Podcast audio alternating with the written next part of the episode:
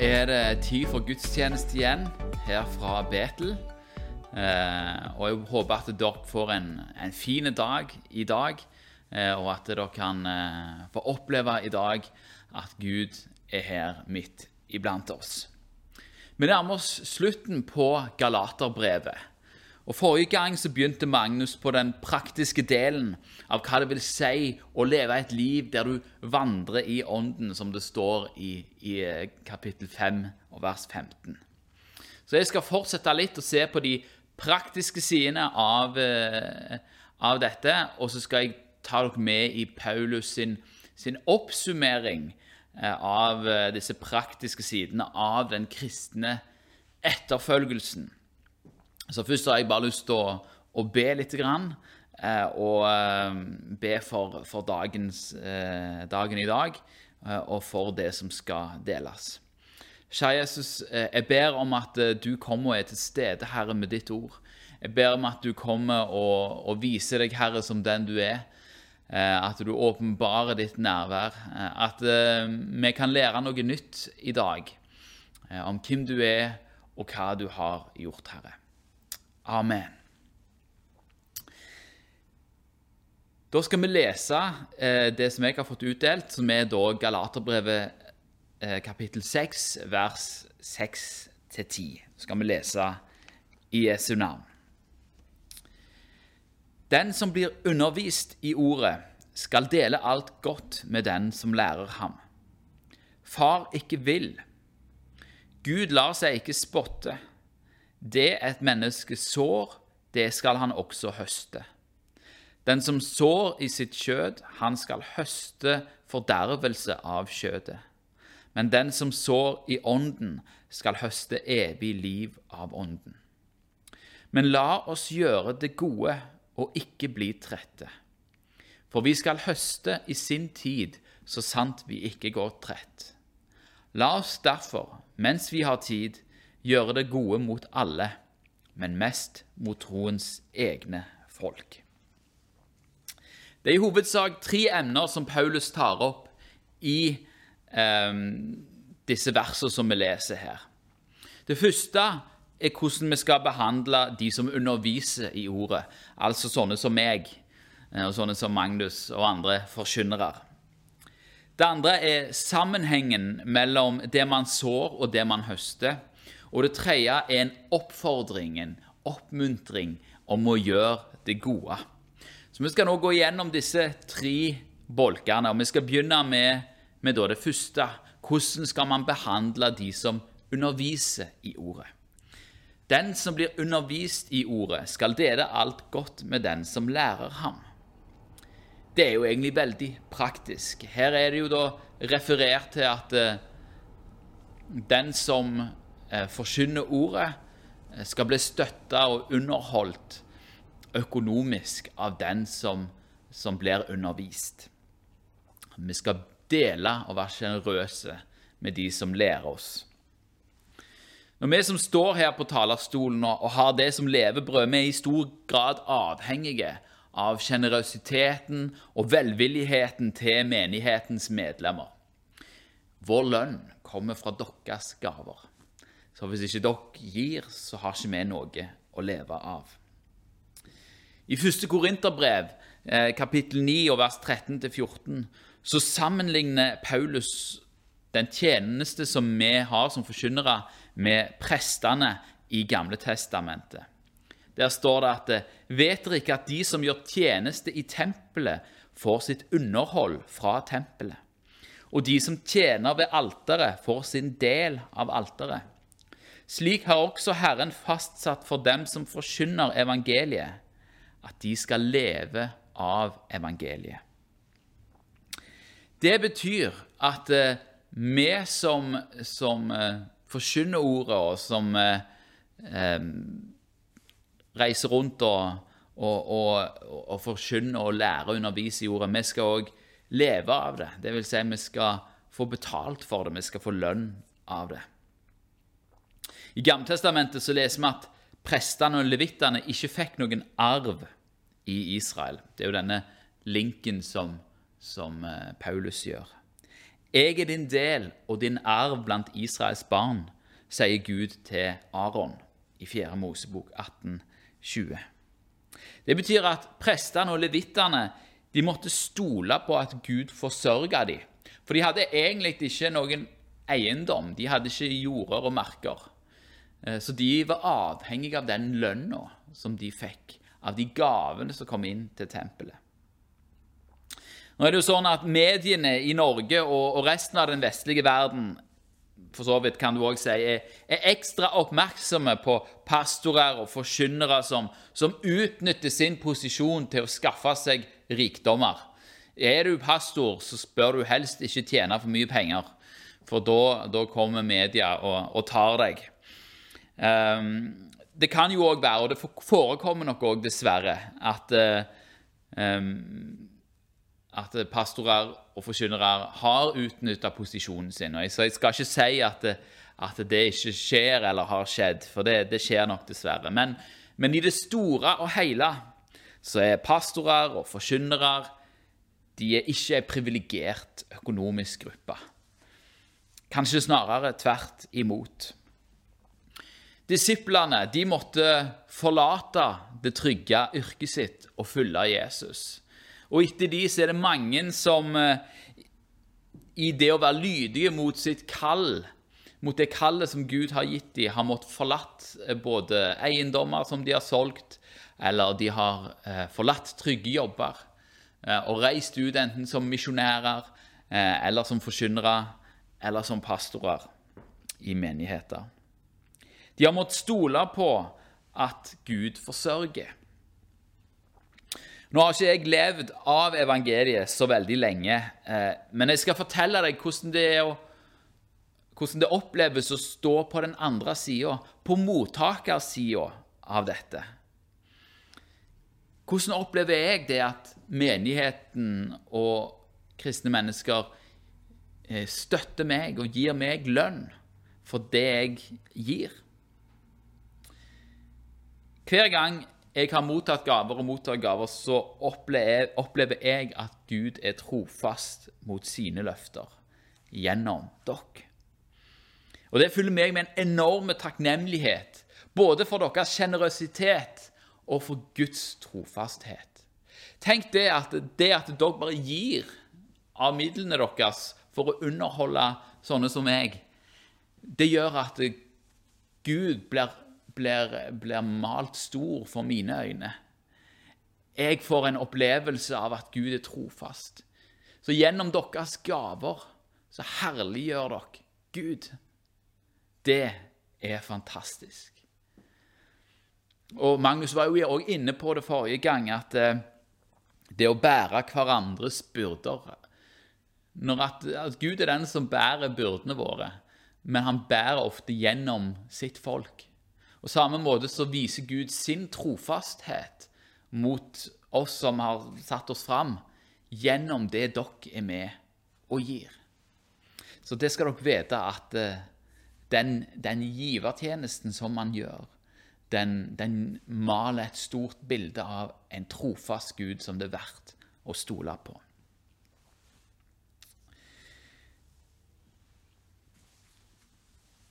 Det andre punktet som, yes, som Paulus snakker om her eh, i, eh, i, disse versene, eh, er vers 7 og 8. Far ikke vil. Gud lar seg ikke spotte. Det et menneske sår, det skal han òg høste. Den som sår i sitt kjød, skal høste fordervelse av kjødet. Men den som sår i ånden, skal høste evig liv av ånden. Nå er det jo sånn at Galaterbrevet i det store og hele handler om hvordan frelsesverket er et verk av Guds nåde, og at menneskelig strev det gagner ingenting. Etterfølgelse av loven det evner ikke å frelse noen, men at gjennom Jesus Kristus så kan alle mennesker bli frelst og få sine synder tilgitt.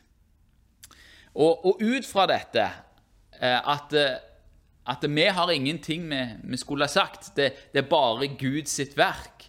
Eh, det er bare Han som har frelst oss ved sin nåde. Så, så kan det være lett å tenke at det, Ja, men da er det jo ikke så farlig da om jeg synder. Det er ikke så farlig om jeg gjør dette, det ene eller det andre. Eh, for jeg får jo tilgivelse likevel. Eh, men denne tanken og dette sinnelaget, det advarer Paulus om. Han advarer mot det i, i Romerbrevet, der han sier i Romerbrevet 6,1 så sier han Hva skal vi da si? Skal vi forbli i synden for at nåden kan bli det større? Langt derifra sier Paulus. Og videre i vers 15 i Romerbrevet 6 så sier han Hva så? Skal vi synde siden vi ikke er under loven, men under nåden? Langt derifra.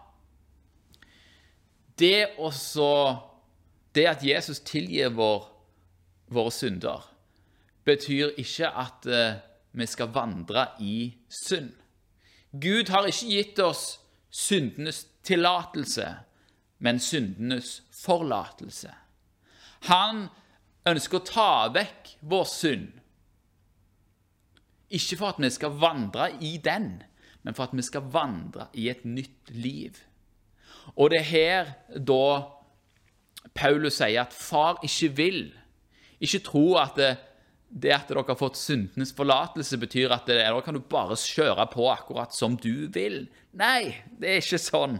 Langt derifra. Paulus sier at Gud lar seg ikke spotte. For hvis man tar lett på det Jesus har gjort, og ikke tar på alvor den prisen som ble betalt for vår synd, men fortsetter på akkurat samme måte som tidligere, da spotter vi det Gud har gjort. Da spotter vi hans frelsesverk. Det fins tilgivelse for synd. Og så er det jo ikke sånn at eh, alle våre vaner bare forsvinner med en gang. Det fins tilgivelse for synd, og spesielt for den synd som man kjemper med, og som så lett henger fast med oss. Dette her er ikke sagt til deg som, som kjemper med synd, og som, som bekjenner sin synd, og som, som, ønsker å vende om fra sin synd. Nei, Gud, Gud er tålmodig med oss i vår svakhet. Når Gud ser at du strever og kjemper med noe, og du ønsker å vende deg fra det, så, så, vil han hjelpe deg. Han vil komme med sin kraft. Han vil komme og sette deg i frihet. Det er ikke deg dette her er sagt til, du som kjemper med å gjøre det gode. Du som kjemper for å gjøre det gode, og som, som, eh, som ønsker å, å, å, endre livet ditt og ikke helt får det til. Nei, det er ikke deg Paulus snakker til her. Det er til deg som, som ikke bryr deg. Deg som ikke bryr deg om å endre livet ditt. Deg som ikke ser inn i deg sjøl og ser er det noe her som ikke er til Guds behag. Nei, det, det er til deg Gud snakker. Det, det, det er til deg Paulus snakker.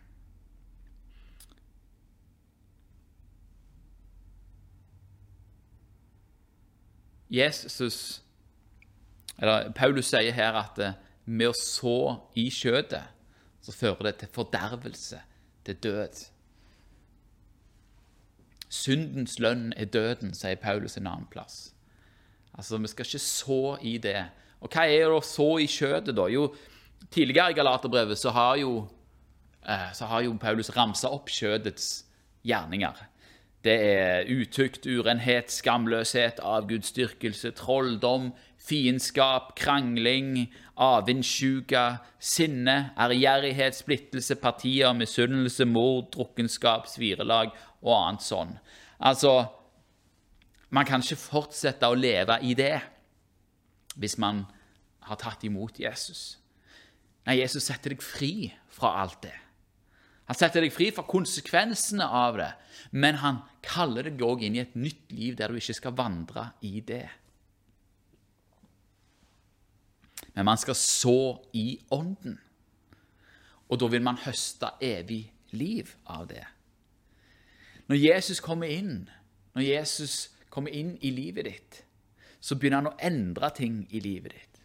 Og ut fra det, det som er åndens frukt, det er kjærlighet, glede, fred, langmodighet og tålmodighet, mildhet, godhet, trofasthet, ydmykhet, avholdenhet.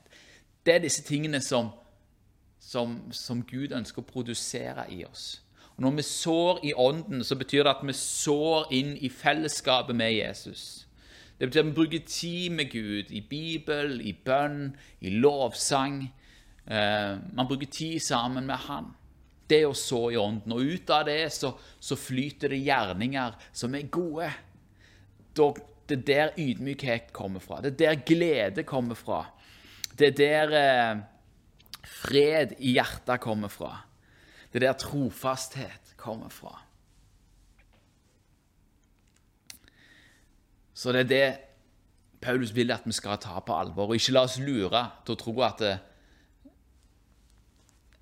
at vi har fått tillatelse til å synde. Nei, vi har fått, vi fått tillatelse til å vandre i et nytt liv.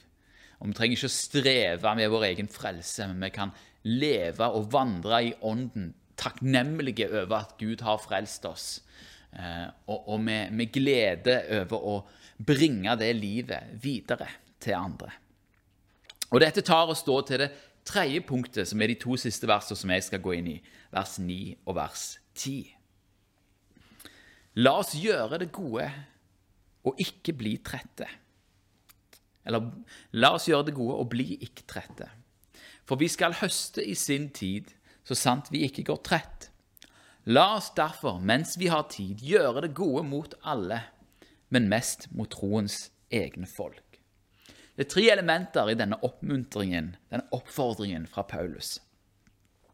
Det første er at vi blir oppfordra til å gjøre det gode. Dette er en videreføring av dette med å så i ånden. Gjør det som er godt.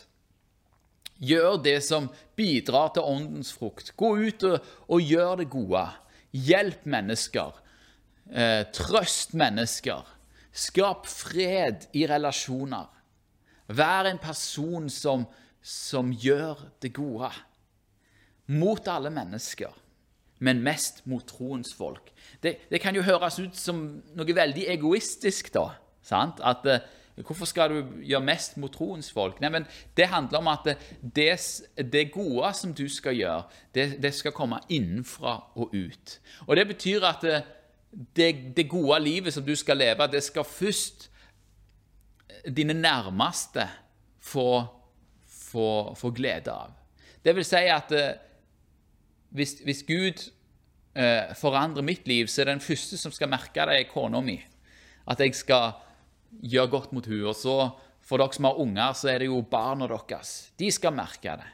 Og så er det de dere har rundt dere. De som er i menigheten, de skal merke vår godhet. Og så skal alle merke vår godhet. Det handler om at vi ikke skal gjøre masse godt mot, mot uh, de der ute, og så glemme å gjøre godt mot de som er her nære. Mange pastorer og forkynnere har dessverre gått i den eh, fella at man har vært så opptatt av menneskers frelse og at man har vært så opptatt av, eh, av menigheter at man har glemt de nærmeste. Men det begynner her inne, og så vokser det ut. Vi tar først ansvar for de som er nærmest, og så gjør vi godt mot de.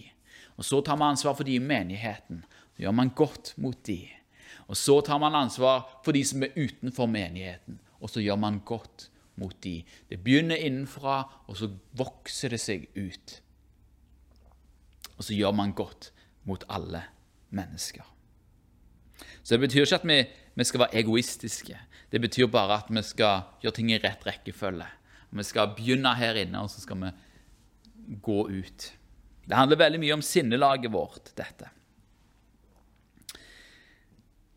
Det, det andre elementet i denne oppmuntringen er at vi ikke skal bli trette av å gjøre det gode.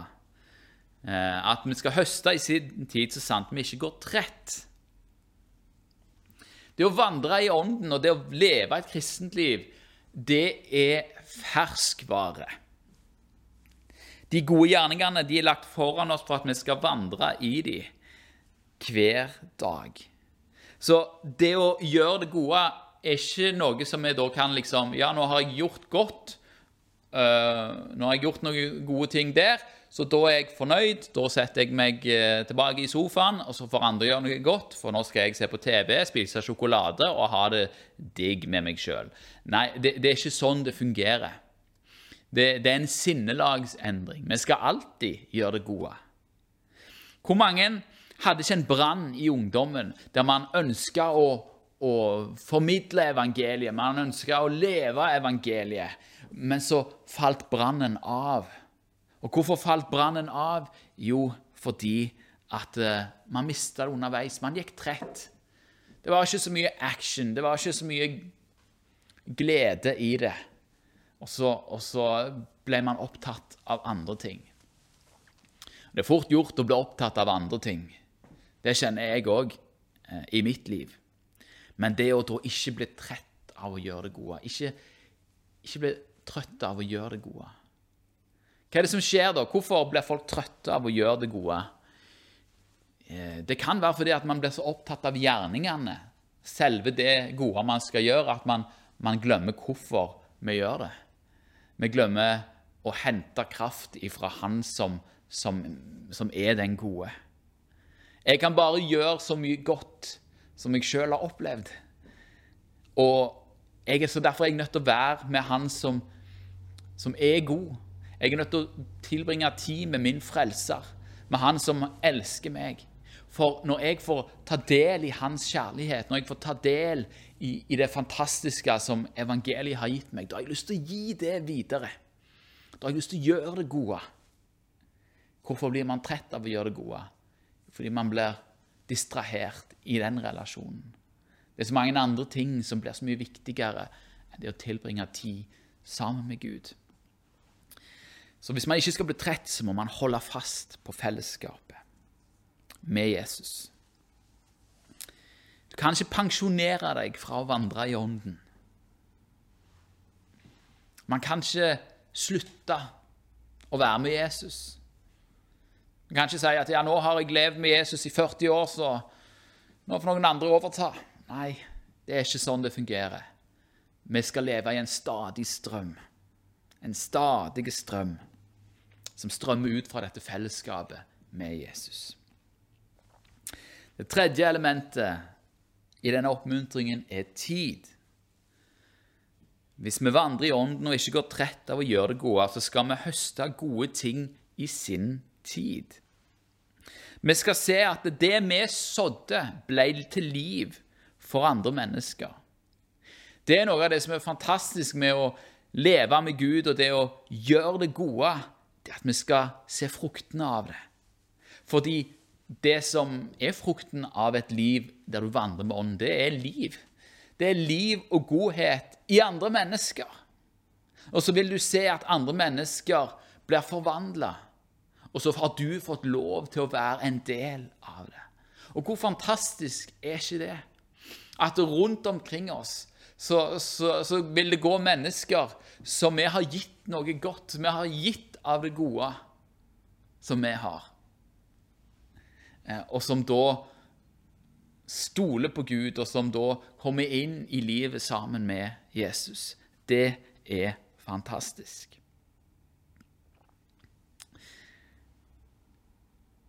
Paulus oppmuntres òg til å gjøre det gode mens vi har tid. Og De første kristne de, de levde i troen på at Jesu gjenkomst var nært forestående. Og Siden den gang så har det alltid stått klart for kristne at Jesus han kan komme tilbake hva tid som helst. Og Derfor er det viktig at vi ikke lar oss distrahere av verden, men at vi holder fokus på å gjøre Guds gode gjerning mens vi ennå har tid. For Jesus han kan komme igjen hva tid som helst.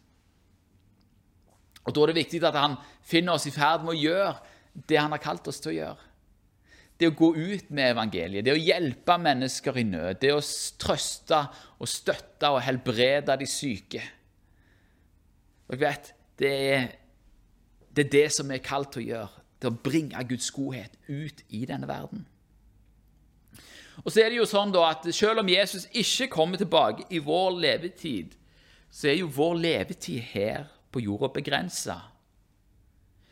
Du vet, du kan ikke gjøre noe godt lenger når du ikke er her lenger. Du kan bare gjøre noe godt mens du er her. Ingen av oss har blitt garantert dagen i morgen. Så vi kan gjøre det gode som Gud har lagt foran oss i dag. I dag er dagen til å gjøre Guds gode gjerning. I dag er dagen til å vandre i ånden. I dag er dagen der Guds frukt, eller åndens frukt, kan bli levende i våre liv. Og det er min bønn for deg i dag. At du skal få oppleve at Gud er med deg. At du skal få oppleve at eh, Gud elsker deg, og at du skal ta den vissheten og bare dele den ut til alle. Gjør det gode. Ble ikke trett av å gjøre det gode. Men hent kraften der han hører hjemme. Så i ånden, og del med den som underviser deg. Det er det Paulus oppfordrer oss til å gjøre i denne dagen og i Galaterbrevet 6. Skal vi be sammen? Kjære Jesus, jeg takker deg, Herre, for, for din ånd. Takker deg for ditt liv og det du har gjort, og at du har frelst oss. Og jeg takker deg for at vi kan få lov til å vandre i ånden. At vi kan få lov til å gjennom fellesskapet med deg oppleve at eh, åndens frukt blir levende i våre liv, sånn at det blir til liv for andre mennesker. Og du ser mine brødre og søstre som, som, du har fylt, Herre, med din kjærlighet, som du har fylt, Herre, med din godhet, som har fått opplevd deg, som har fått opplevd kraften av deg, Jesus. Ber om at du skal være med dem i dag. Ber om at du skal velsigne dem i dag. Ber om at eh, de skal få lov til å gå ut med de gode nyhetene. Gå ut med din godhet, din barmhjertighet, Herre, med din sannhet, Jesus, til den verden som er der ute, som lengter etter å, å oppleve din kjærlighet, Jesus. Jeg bare ber Herre om at uh, i dag og i denne uka som kommer, at uh, du skal bare være levende for oss. Og at skal, vi skal kunne vandre i de gode gjerningene som du har lagt foran oss. At vi ikke skal så i skjødet. At vi ikke skal hengi oss til, til, til synd, Jesus, men at vi skal hengi oss til deg og hengi oss til å gjøre det gode av Jesus. Takker deg, Herre, for at du er med oss. Takker deg, Herre, for at du velsigner oss. Amen. Så ber jeg om at du får en god dag. Gå ut og gjør Herrens gjerning i dag. Gå ut og, og besøk de som, ingen, eh, som er alene i denne tida. Gå ut og oppmuntre folk. Jesus lever, og Jesus han elsker deg. Og den kjærligheten kan du få lov til å gi videre til de rundt deg. Ha en god dag, og Gud velsigne deg.